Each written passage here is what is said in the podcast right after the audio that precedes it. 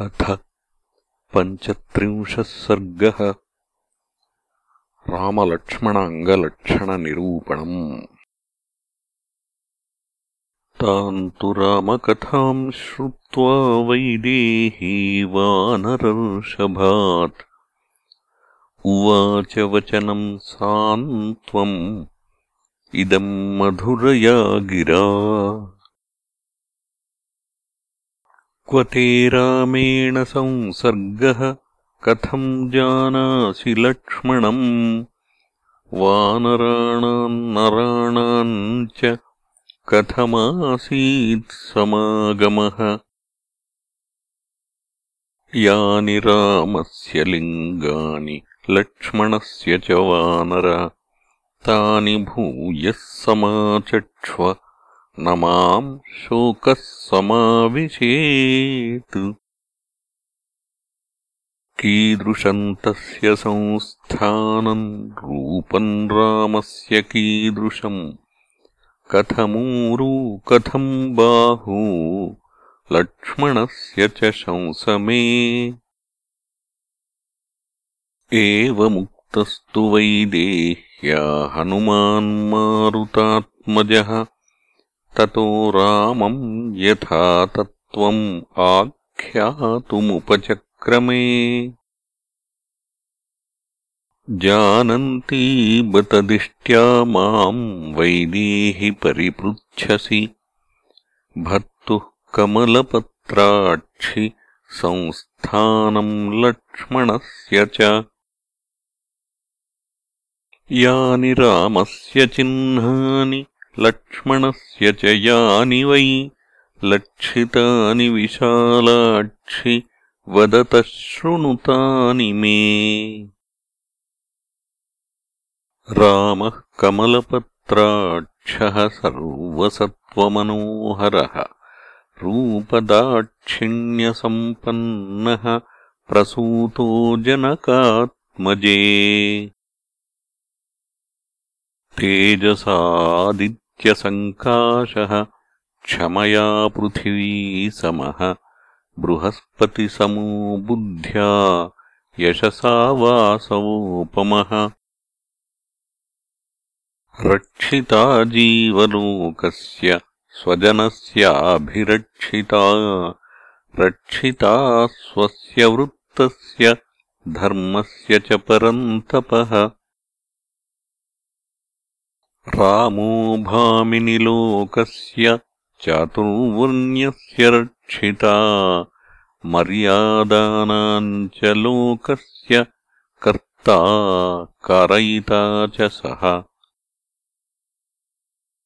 अर्चिष्मानर्चितोत्यर्थम् ब्रह्मचर्यव्रते स्थितः साधूनामुपकारज्ञः प्रचारज्ञश्च कर्मणाम्। राजविद्याविनीतश्च ब्राह्मणानामुपासिता। श्रुतवान् शीलसम्पन्नो विनीतश्च परन्तपः।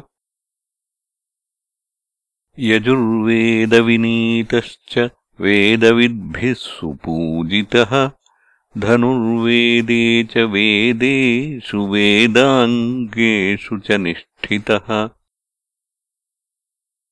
विपुलांसो महाबाहुः कम्बुग्रीवः शुभाननः गूढजत्रुः सुताम्राक्षो रामो देवि जनैः श्रुतः। दुन्दुभिः स्वननिर्घोषः स्निग्धवर्णः प्रतापवान् समः समविभक्ताङ्गो वर्णम् श्यामम् समाश्रितः। त्रिस्थिरस्त्रिप्रलम्बश्च त्रिः समस्त्रिषु चोन्नतः। त्रिस्थिरस्त्रिप्रलम्बश्च त्रिसमस्त्रिषु चोन्नतः त्रिसाम्र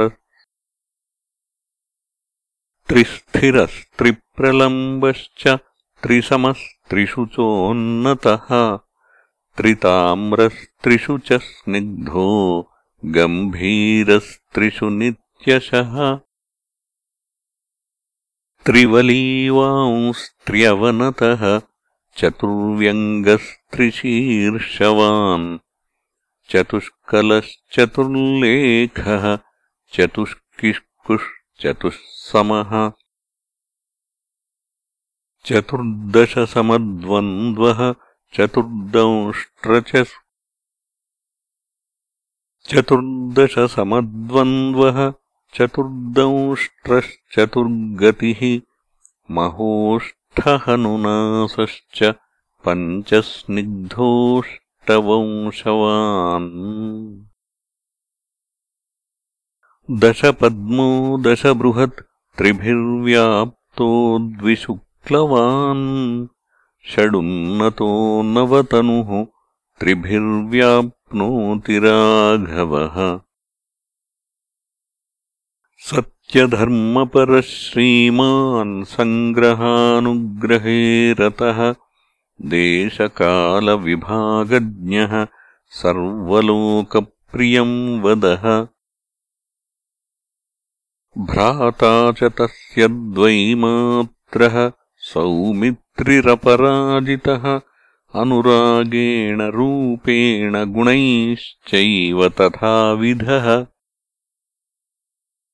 स सुवर्णच्छविः श्रीमान् रामश्यामो महायशाः तावुभौ नरशार्दूलौ त्वद्दर्शनसमुत्सुकौ।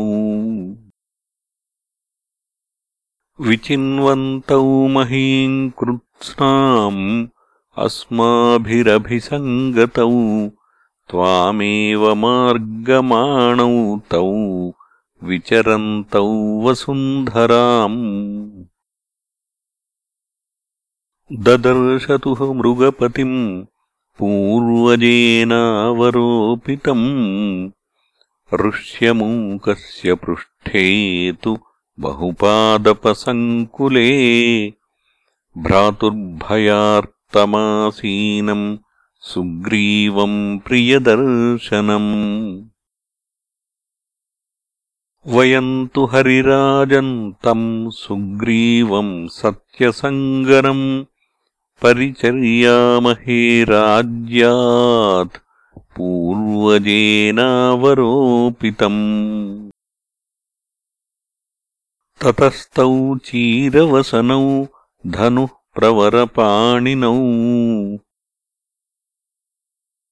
ऋष्यमूकस्य शैलस्य रम्यम् देशमुपागतौ।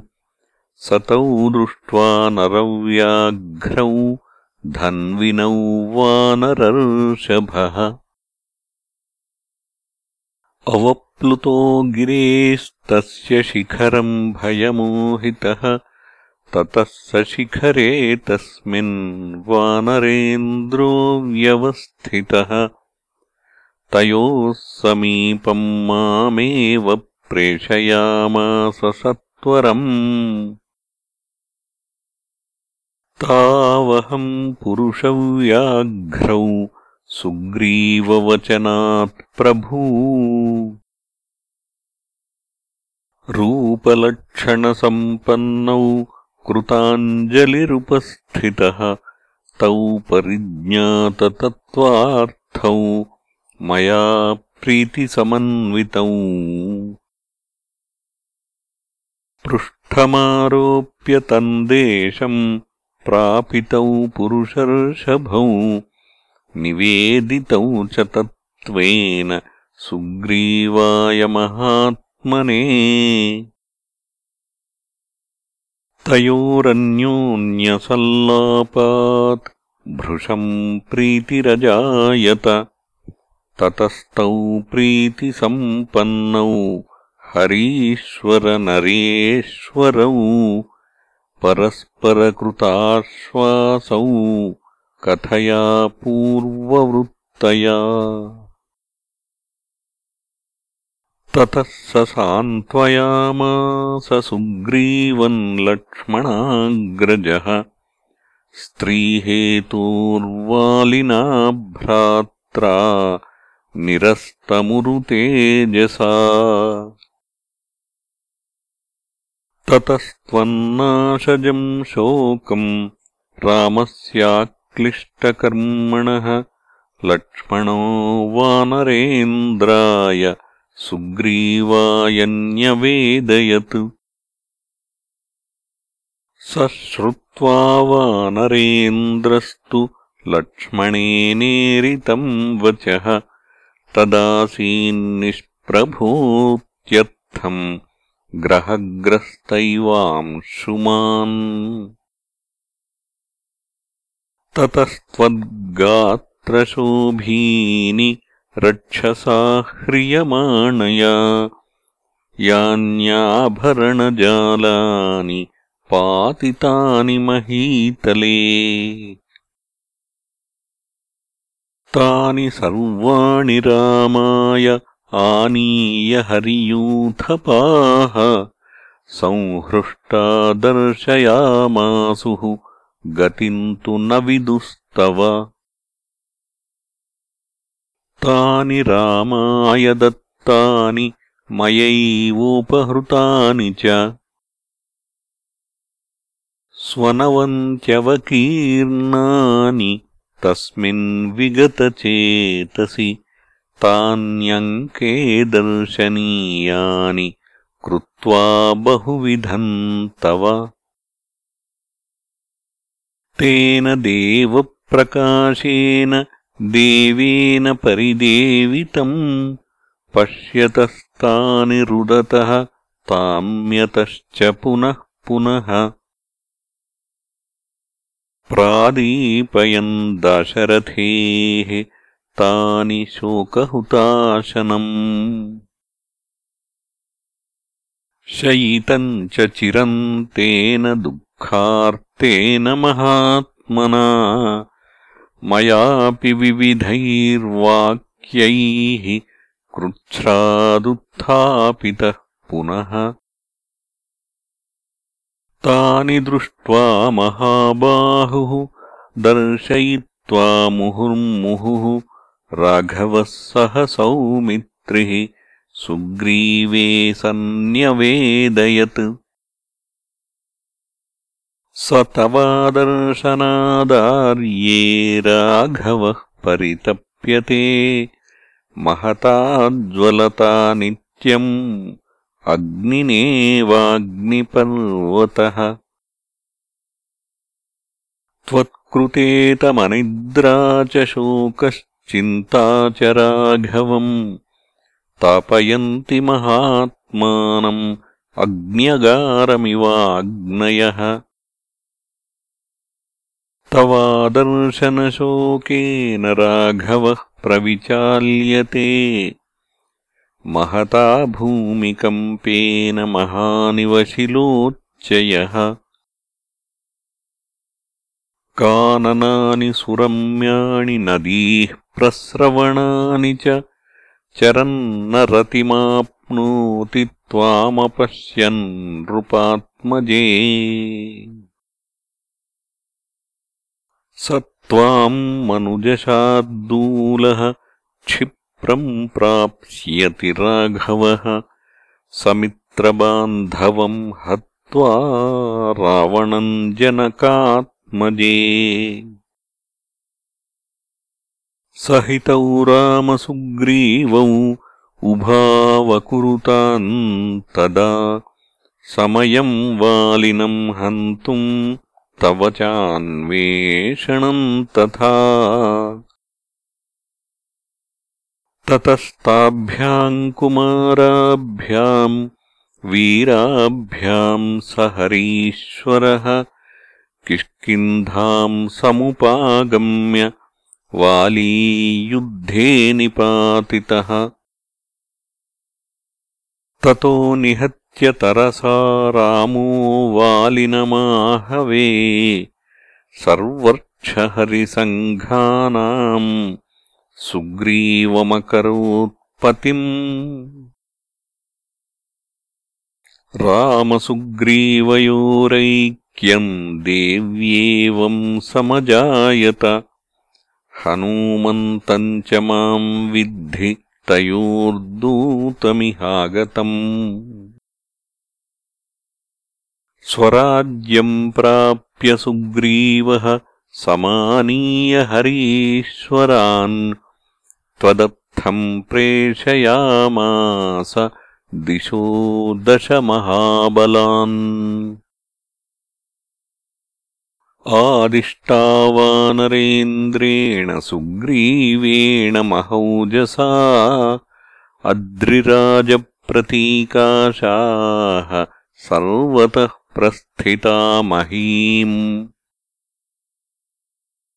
ततस्ते मार्गमाणा वै सुग्रीववचनातुराः चरन्ति वसुधाम् कृत्स्नाम् वयमन्ये च वानराः।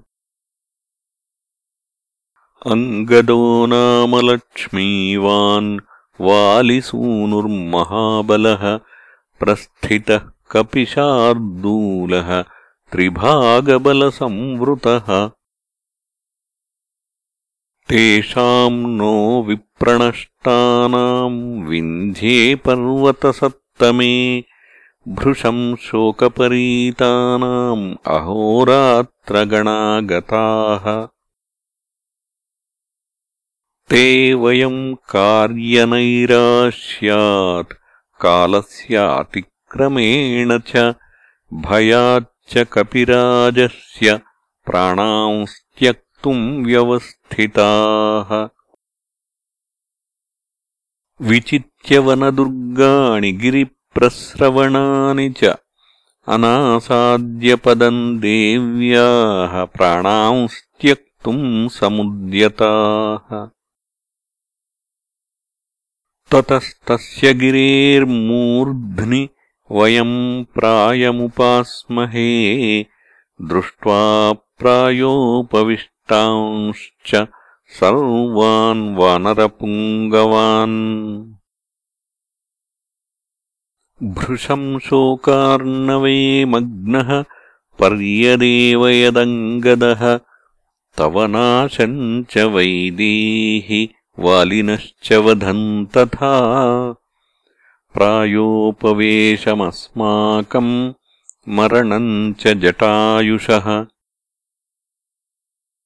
तेषाम् नः स्वामिसन्देशात् निराशानाम् मुमूर्षताम् कार्यहेतोरिहायातः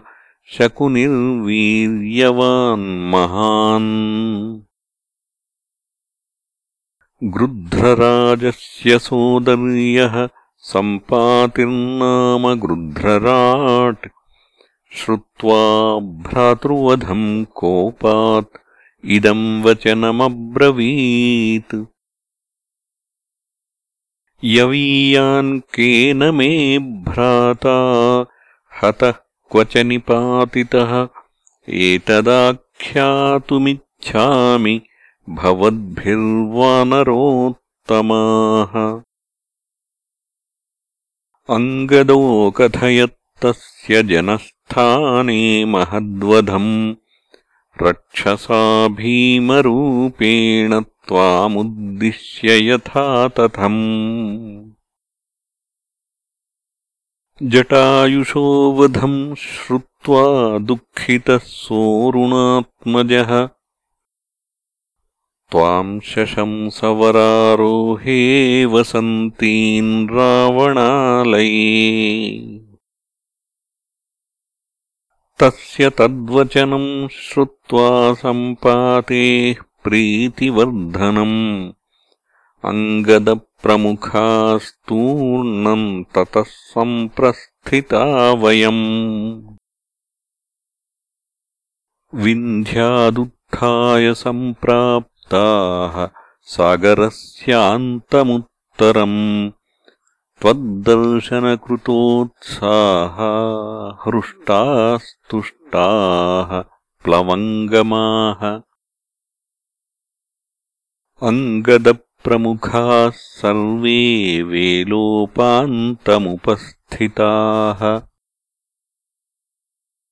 चिन्ताम् जग्मुः पुनर्भीताः त्वद्दर्शनसमुत्सुकाः अथाहम् हरिसैन्यस्य सागरम् प्रेक्ष्य सीदतः। व्यवधूय भयम् तीव्रम् योजनानाम् शतम् प्लुतः। लङ्का चापि मया रात्रौ प्रविष्टा राक्षसाकुला।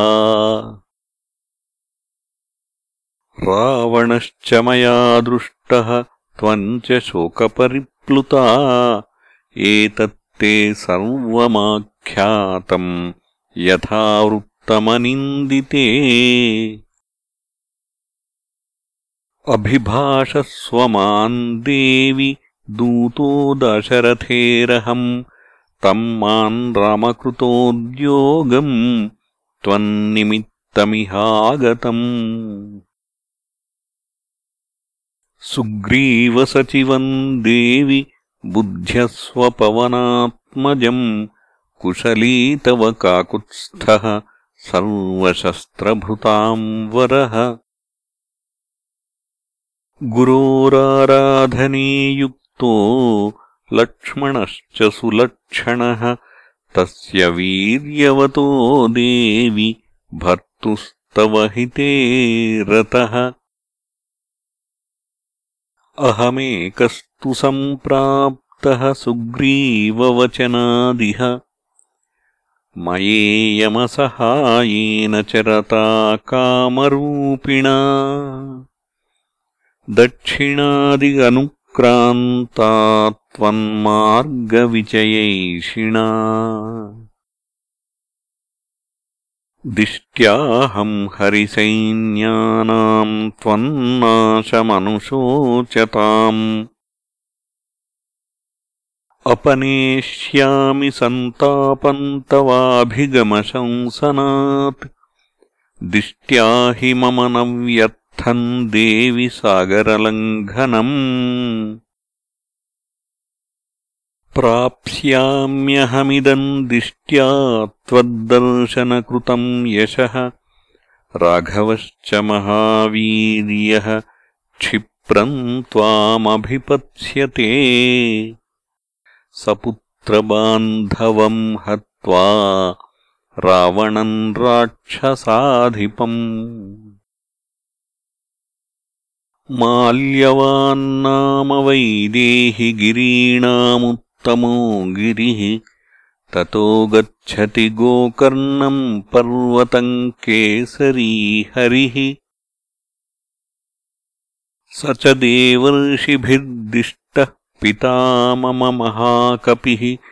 तीर्थे नदीपतेः पुण्ये शम्बसादनमुद्धरत् तस्याहम् हरिणः क्षेत्रे जातो वा तेन मैथिली। हनुमानिति विख्यातो लोके स्वेनैव कर्मणा। विश्वासार्थम् तु वैदेहि भर्तुरुक्ता मया गुणाः। अचिराद्राघवो देवि त्वामितो नैतानघे एवम् विश्वासिता सीता हेतुभिः शोककर्षिता उपपन्नैरभिज्ञानैः दूतम् तमवगच्छति। अतुलम् च गता हर्षम् प्रहर्षेण च जानकी नेत्राभ्याम् वक्रपक्ष्माभ्याम् मुमोचानन्दजञ्जलम् चारु तद्वदनम् तस्याः ताम्रशुक्लायते क्षणम्। अशोभतविशालाक्ष्यः राहुमुक्तैवोडुराट् हनूमन्तम् कपिम् व्यक्तम् मन्यते नान्यथेति सा। अथोवाच हनूमांस्ताम् उत्तरम् प्रियदर्शनाम्। एतत्ते सर्वमाख्यातम् समाश्वसि हि मैथिलि। किम् करोमि कथम् वा ते रोचते प्रतियाम्यहम्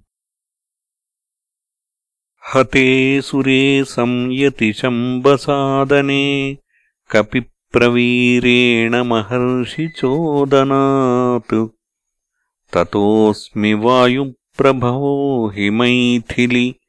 प्रभावतस्तत्प्रतिमश्च वानरः। इत्यार्षे श्रीमद् रामायणे वाल्मीकीये आदिकाव्ये सुन्दरकाण्डे पञ्चत्रिंशः सर्गः